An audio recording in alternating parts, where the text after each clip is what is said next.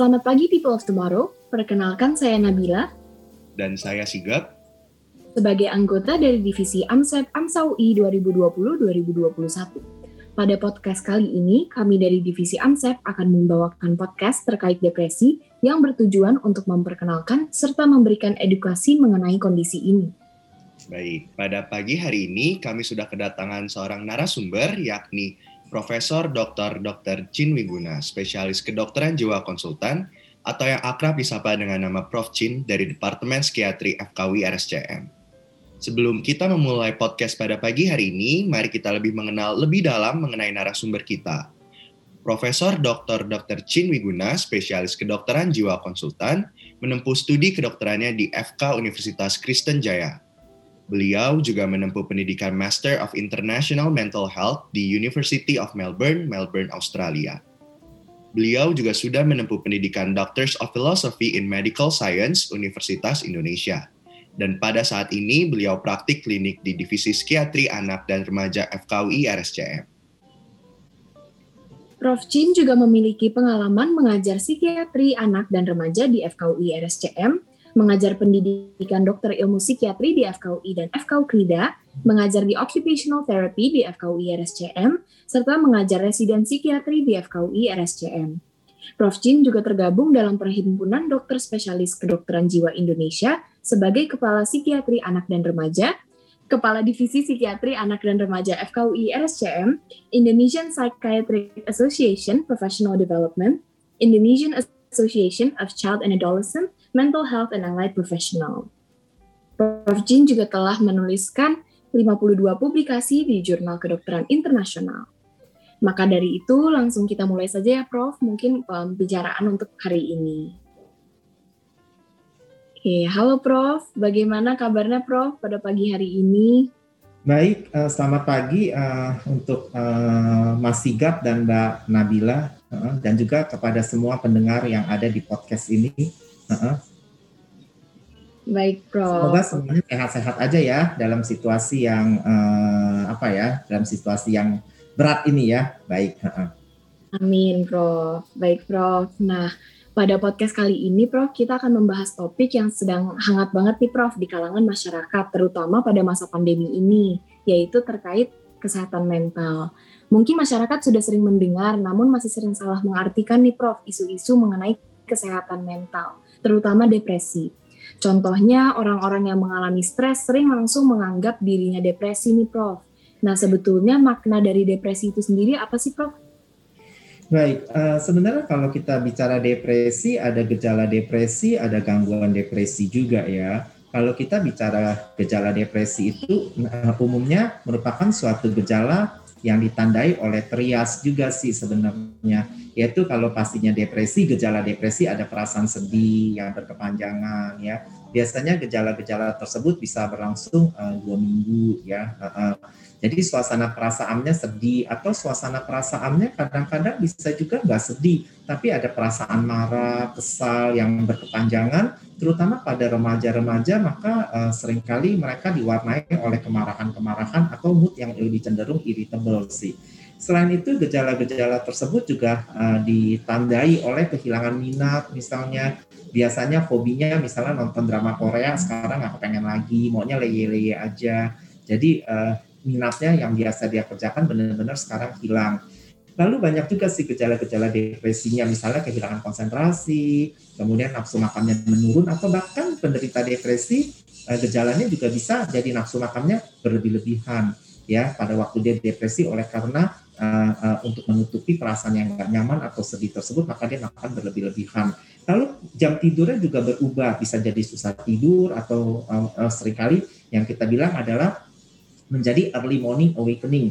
Jadi bangunnya itu di subuh-subuh, itu khas tuh untuk penderita yang memiliki gejala depresi misalnya. Atau kebalikannya sekarang dia nggak bisa tidur berhari-hari juga bisa merupakan tanda-tanda dari gejala depresi.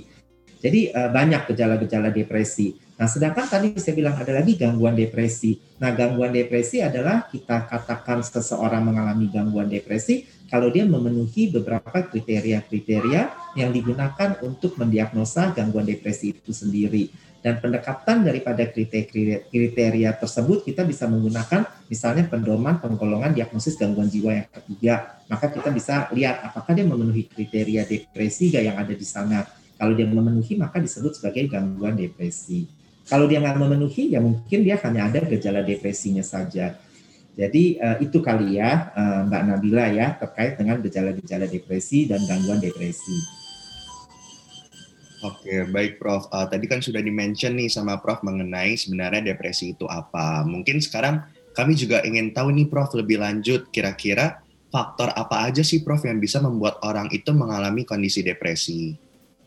Oke, kalau kita bicara tentang faktor-faktor yang melatar belakangi kenapa sih seorang mengalami gangguan depresi, jadi kalau kita tinjau faktornya pastinya uh, kembali lagi ke faktor biopsikososial ya. Dalam arti ada faktor biologik dan juga ada faktor psikososial. Atau faktor biologik yang ber, uh, apa ya yang berinteraksi dengan faktor psikososial ya. Misalnya kerentanan genetik tertentu ya memang dia dari lahir memang rentan untuk mengalami uh, gangguan depresi atau gejala depresi sehingga ada perubahan tertentu di dalam kehidupan sosialnya maka muncullah gejala depresi tersebut. Seperti yang tadi Mbak Nabila katakan, misalnya individu tersebut dia memang udah mempunyai kerentanan genetik untuk jadi depresi, lalu dia mengalami tekanan di dalam kehidupannya, misalnya putus pacar atau uh, tiba-tiba dia nggak naik kelas atau uh, diberhentikan dari pekerjaannya karena ada kerentanan tertentu dan dia tidak bisa menghadapi tekanan dalam kehidupannya dia, maka jatuhlah dia dalam kondisi depresi. Jadi bisa juga atau bisa juga uh, terjadi oleh karena dia nggak punya kerentanan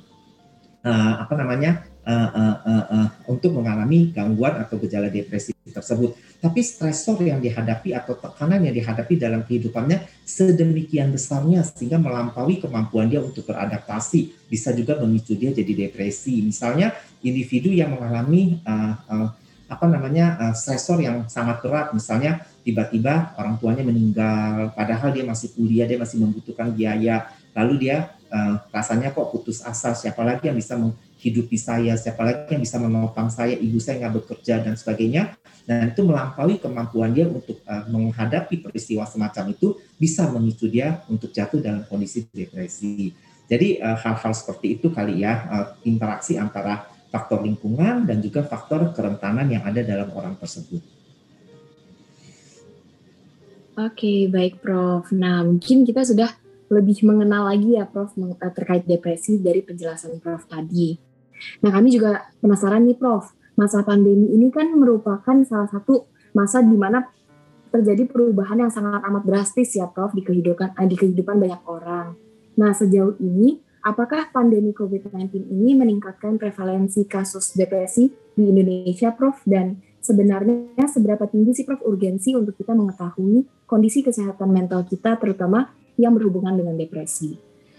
Oke, dalam uh, kita sih belum melakukan penelitian sampai seluruh Indonesia ya. Bahkan uh, memang kita baru-baru ini melakukan penelitian sih, bukan baru-baru ini sejak awal pandemi di bulan April 2020 kita sudah melakukan penelitian ya dalam bentuk survei secara daring terkait dengan kesehatan mental di apa namanya di masyarakat ya. Tapi uh, kita belum mengolah datanya secara uh, semuanya sih ya. Apakah benar masa pandemi ini meningkatkan uh, gangguan depresi? Nah untuk itu saya susah juga menjawabnya ya. Namun di dalam beberapa riset yang pernah dilakukan bukan riset kita tapi riset-riset yang sudah dipublikasikan di beberapa negara, mereka memang bilang sih bahwa masa pandemi ini merupakan tambahan stresor kali ya buat kehidupan seseorang. Apalagi uh, untuk pandemi ini kan menuntut kita untuk beradaptasi pada situasi kehidupan yang baru kan yang kita bilang the new normal kan sebenarnya ya dalam situasi kehidupan kita kayak sekarang pakai masker terus-terusan ya. Kemudian keluar itu harus social distancing, lebih banyak stay at home. Nah, tentunya hal-hal seperti ini kan membutuhkan kemampuan adaptasi yang baik ya, dalam arti membutuhkan fleksibilitas mental yang lebih baik sehingga perubahan yang terjadi bisa disiasati dengan berbagai perilaku-perilaku kita yang baru dalam kehidupan.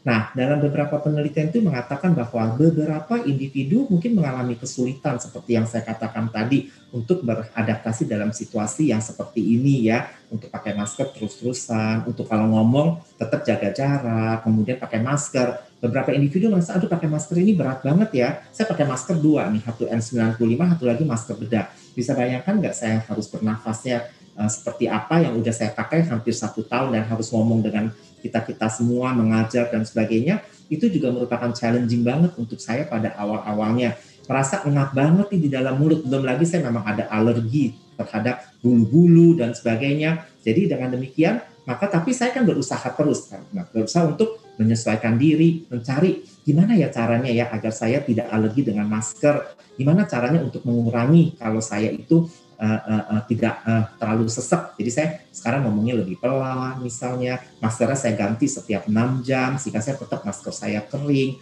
jadi itu kan saya beradaptasi sehingga saya mampu untuk mengatasi tekanan-tekanan dalam situasi atau adaptasi baru. Nah, namun beberapa individu dalam penelitian yang kita lakukan memang cenderung mengalami kesulitan untuk mengelola emosinya. Yang pasti yang sudah terbit baru-baru ini di Frontier in Psychiatry dalam penelitian yang kita lakukan adalah angka kecemasannya menjadi lebih tinggi ya. Oleh karena di masa pandemi ini uh, bukan depresi tapi mereka lebih cenderung cemas. Kita punya data depresi tapi belum kita olah. Jadi kita belum bisa ngomong dalam podcast kali ini. Tapi yang pasti memang kecemasannya lebih tinggi dibandingkan dalam kehidupan sehari-hari katanya. Begitu kira-kira. Oke, baik Prof. Berarti memang uh, sebenarnya untuk uh, di masa pandemi ini justru meningkatkan juga ya Prof. Uh, apa rasa kecemasan dari orang-orang yang ada gitu ya Prof. Ya. Nah, baik Prof. Uh, kan cemas itu banyak ya, terutama cemas yang terkait dengan takut tertular misalnya, uh, cemas dengan orang baru, misalnya kalau uh, uh, kalian ketemu teman aduh dia nih OTG nggak ya misal? Atau ya udah nggak dipakai nih tanda dengan orang OTG nggak apa uh, OTG gitu kan udah nggak dipakai uh, si, uh, apa istilahnya. Apakah dia mengandung virus atau tidak ya? Kan kita was was terus ya. Jadi nggak heran memang dalam kehidupan sehari-hari kita kudu waspada ya. Tapi tidak jatuh dalam kondisi gangguan jiwa sebenarnya. Waspada perlu. Oleh karena dengan kewaspadaan itu kan kita menjaga atau memproteksi diri kita sendiri dan juga memproteksi orang lain Nah, jadi kalau kita cemas berarti kan mengalami gangguan jiwa dong ya. Kalau gangguan jiwa, oleh karena saya cemas, akibatnya saya nggak berani keluar rumah. Oleh karena saya cemas berarti atau saya depresi, maka saya jadi nggak mau kerja, cenderung di rumah aja. Jadi itu udah ada kendaya ya, udah ada distress dan disability-nya. Gitu kira-kira. Oke, baik Prof. Nah, uh, selanjutnya nih Prof, uh, sebenarnya tadi Prof di awal uh, sudah sempat mention mengenai uh, cara mendiagnosis uh, orang yang mengalami depresi Prof. Namun uh, kami juga ingin masih tahu lagi nih Prof lebih lanjut. Kira-kira uh, bagaimana sih Prof cara mendiagnosis seseorang yang mengalami depresi namun ditinjau dari sudut pandang klinisnya nih Prof? Ya, uh, biasanya kita melakukan wawancara psikiatrik sih atau kita sebutnya pemeriksaan psikiatri. Dan dalam pemeriksaan psikiatrik ini kita tentunya melakukan wawancara dan juga melakukan observasi pada individu yang bersangkutan. Nah, dalam proses wawancara tersebut kita uh, uh, menelusuri ya tadi salah satunya yang Anda katakan latar belakangnya apa sih yang memicu dia jadi mengalami kondisi depresi atau gangguan depresi seperti ini. Lalu setelah kita mendapatkan latar belakangnya ya kita juga menggalikan menggali gejala-gejala atau uh, simptomnya atau psikopatologinya sesuai dengan kriteria diagnostik yang sudah ada. Dalam kriteria diagnostik uh, di pedoman penggolongan gangguan jiwa ketiga, mereka mengatakan bahwa ada dua pertanyaan penapis utama, yaitu tadi bahwa uh, suasana perasaannya depresif atau sedih atau lebih cenderung irritable yang berlangsung terus-menerus sepanjang hari, sepanjang waktu, dalam kurun waktu minimal dua minggu, kata dia. Baru kita bisa bilang itu kalau memang dia ada gejala-gejala tersebut, maka baru lanjut ke pertanyaan-pertanyaan minor lainnya. Pertanyaan itu satu, yang pertanyaan yang kedua jadi dan atau. Pertanyaan kedua adalah kehilangan minat dari kegiatan yang atau aktivitas yang biasa dia lakukan, dari hobi-hobinya atau kegiatan-kegiatan yang umum dia lakukan sehari-hari jadi salah satu kalau salah satu itu ada, sama kehilangan minat juga berlangsung dua minggu terus menerus sepanjang hari. Nah dengan demikian kalau salah satu itu ada, kita baru ke pertanyaan-pertanyaan berikutnya. Pertanyaan berikutnya yang kita bilang gejala minor itu termasuk konsentrasinya menurun, nafsu makannya bisa meningkat menurun, jumlah jam tidurnya meningkat atau menurun, kehilangan gairah seksual, kemudian konsentrasinya juga menurun. Jadi baru beberapa gejala lainnya dia bisa uh, terpenuhi atau tidak. Jadi ada patokannya atau ada kriterianya. Ya. Oke, baik Prof. Jadi lebih kepada mengobservasi dan juga nanti ada wawancaranya dengan Ya betul. Sampai saat ini tidak ada uh, pemeriksaan uh, laboratorium misalnya atau pemeriksaan penunjang yang spesifik untuk gangguan depresi ini. Sampai saat ini belum ada sih. Oleh karena itu, maka semata-mata uh, tergantung pada keterampilan klinis dari seorang dokter atau psikiater untuk menelusuri gejala-gejala tersebut harusnya dokter umum juga bisa karena kompetensi untuk depresi kalau tidak salah 3A. Jadi uh, dokter umum bisa mendiagnosa tata laksana awal kemudian merujuk. Oke, baik Prof. Nah, mungkin setelah diagnosis nih Prof, pastinya uh, kita semua sebisa mungkin menghindari diri agar tidak depresi ya Prof. Nah, kalau dari tindakan pre eh, preventifnya tersendiri, ada nggak sih Prof yang dapat dilakukan agar kita terhindar dari kondisi tersebut? Ya, kalau bicara tentang pre apa, preventif berarti terkait dengan preventif dan promosi ya, promosi dan preventif ya, atau promotif dan preventif ya. Terkait dengan promotif dan preventif untuk depresi, terutama adalah mungkin perlu melakukan edukasi kali ya, seperti sekarang adalah bentuknya adalah preventif dan promotif juga. Anda uh, memberikan edukasi kepada masyarakat atau edukasi kepada semua orang yang berminat di dalam topik ini sehingga mengetahui apa sih gejala-gejalanya sehingga kalau gejala-gejalanya itu ada maka segera dibawa ke dokternya atau ke psikiater. Dengan demikian kan bisa dilihat apakah dia memang mengalami gangguan depresi saja atau bukan gangguan depresi. Dengan demikian kita bisa melakukan diagnosa atau deteksi dini eh, dan juga melakukan eh, tata laksana sedini mungkin sehingga tidak jatuh dalam kondisi depresi. Itu yang pertama. Jadi meningkatkan pengetahuan masyarakat. Jadi dalam bentuk psikoedukasi atau edukasi. Yang kedua yang penting juga bagi uh, setiap orang dalam kaitan untuk mencegah supaya tidak jatuh dalam depresi adalah mencoba untuk bisa beradaptasi kali ya dengan segala macam situasi kehidupan yang ada atau datang yang apa ya situasi kehidupan yang kita hadapi kali ya dengan kita memiliki uh, pikiran yang lebih positif atau pikiran yang lebih rasional dan memahami kenapa suatu peristiwa terjadi dalam diri kita dan berusaha untuk menerimanya sesuai dengan kemampuan setiap individu mungkin membuat kita menjadi lebih lapang kali ya sehingga tidak jatuh dalam tekanan-tekanan yang berlebihan yang memicu kita untuk mengalami gangguan jiwa. Salah satunya adalah gangguan depresi misalnya. Itu bisa juga dilakukan sebenarnya ya. Jadi uh, tentunya dia harus uh, melatih dirinya menjadi individu yang lebih mindful. Mindful artinya adalah dia hidup dalam present moment. Jadi ya udah saya hidupnya pada hari ini apa yang harus saya lakukan apa yang harus saya pikirkan. Saya tidak terfiksasi dengan masa-masa lalu saya atau saya tidak terlalu berpreokupasi atau berfokus kepada masa-masa depan saya. Sehingga apa yang saya harus kerjakan di hari ini terlewatkan misalnya itu uh, bisa dilakukan juga oleh seorang uh, seseorang untuk mencegah supaya dia tidak jatuh dalam kondisi depresi.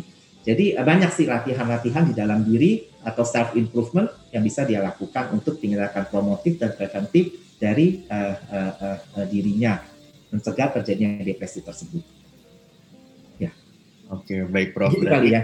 Ya, Prof. Berarti kalau misalnya ditarik kesimpulan, dua hal terpenting itu adalah edukasi dan juga adaptasi ya, Prof, dari diri ya. sendiri gitu.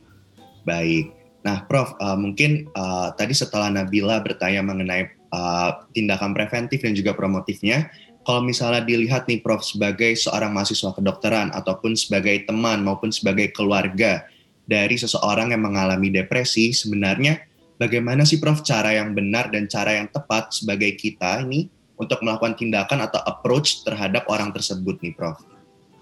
Sebenarnya saya rasa uh, approach-nya sama saja kali ya pada setiap individu ya. Bahwa uh, kalau dia mengalami depresi tentunya uh, dia perlu uh, apa namanya uh, uh, kalau dia mengalami depresi dia kan uh, uh, uh, approach-nya itu adalah uh, mengajak dia untuk bicara kali ya. Uh, uh, apa sih yang terjadi dalam diri kamu? Uh, uh, jadi kita sering kali bilang tuh let's talk about yourself. Let's talk about depression. Waktu beberapa tahun yang lalu kita ada tuh acara Let's Talk About Depression mungkin sekitar dua tahun atau tiga tahun yang lalu.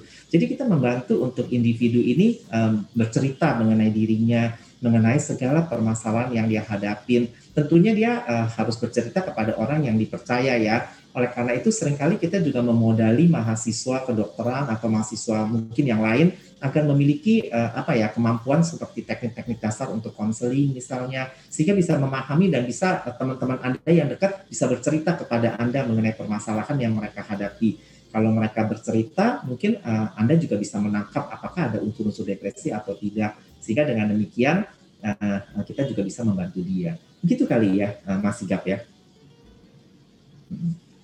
Baik, Prof. Uh, sebelumnya saya lumayan tertarik tuh, Prof, dengan perkataan Prof yang uh, katanya kalau misalkan seseorang tersebut harus lebih mindful ya, Prof, agar live in the present ya, Prof, dibandingkan kayak mungkin selalu uh, refer ke masa lalu ataupun masih mengingat-ingat masa lalu. Nah, Prof, kebetulan saya juga pernah um, saya juga pernah bertemu dengan seseorang yang mengalami depresi nih, Prof.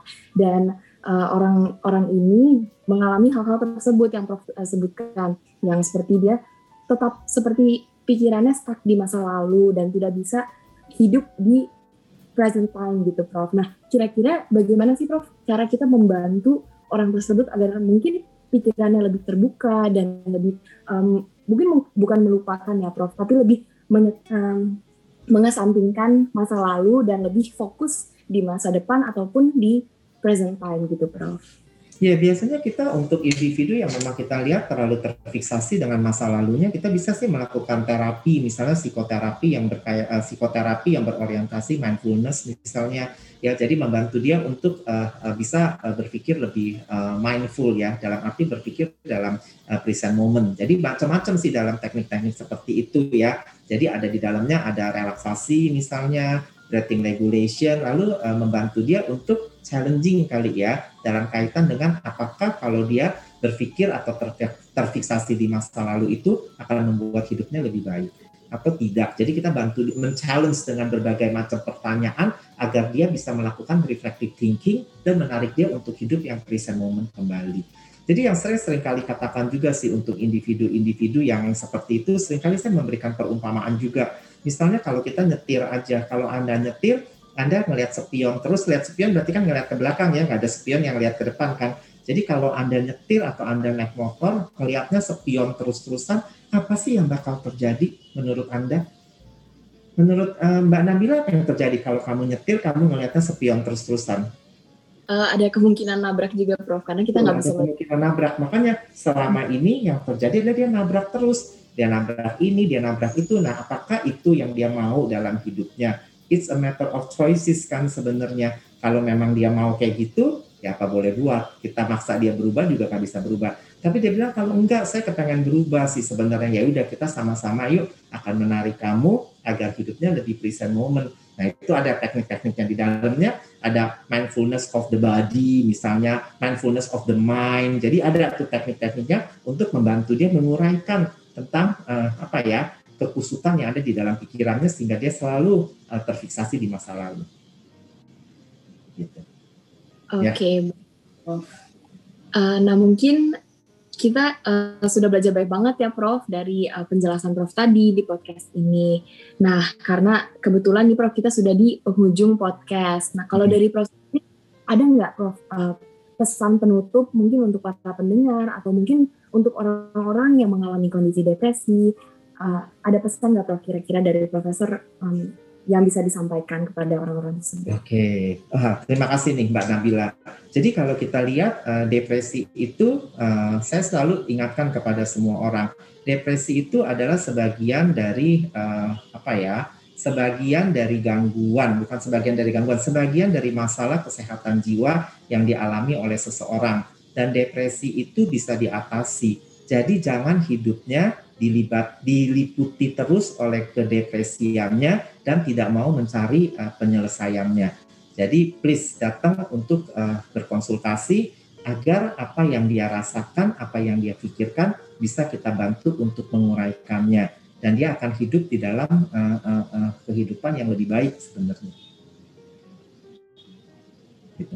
Oke, baik Prof. Terima kasih banyak Prof atas pesannya. Semoga para pendengar podcast Amsau ini bisa lebih paham juga mengenai apa itu depresi, cara mendiagnosisnya, mungkin tata laksananya juga, dan eh, hal-hal uh, yang harus dilakukan agar kita terhindar dari kondisi depresi ya, Prof. Nah, ada satu lagi boleh. Jadi uh, saya menambahkan aja kalau ada tanda-tanda depresi, kalau Anda merasakan ketidaknyamanan, kesedihan yang berkepanjangan, seperti yang sudah kita bahas pada pagi hari ini, bisa datang kok ke Poli Jiwa uh, anak dan remaja kalau memang usianya anak dan remaja atau ke poli jiwa dewasa di Rumah Sakit Cipto Mangunkusumo di Jalan Diponegoro nomor 71. Jadi kita punya polinya. Jadi bisa uh, bertanya atau bisa bertanya juga di kalau tidak mau ke poli reguler bisa juga ke poli di neuroscience di Kencana atau di Child and Adolescent Psychiatry uh, Clinic di Kencana juga. Bisa telepon ke 1500 135.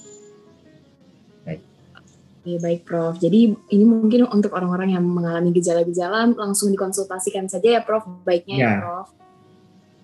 Oke, baik Prof. Terima kasih banyak Prof atas kesempatannya untuk memberikan ilmu di podcast AMSA UI dan mungkin sebagai penutup dari podcast ini sudah menjadi ciri khas nih Prof dari divisi AMSAP untuk memberikan sedikit pantun ya Prof. Oke, baik. Silakan. Naik mobil bareng si Anya.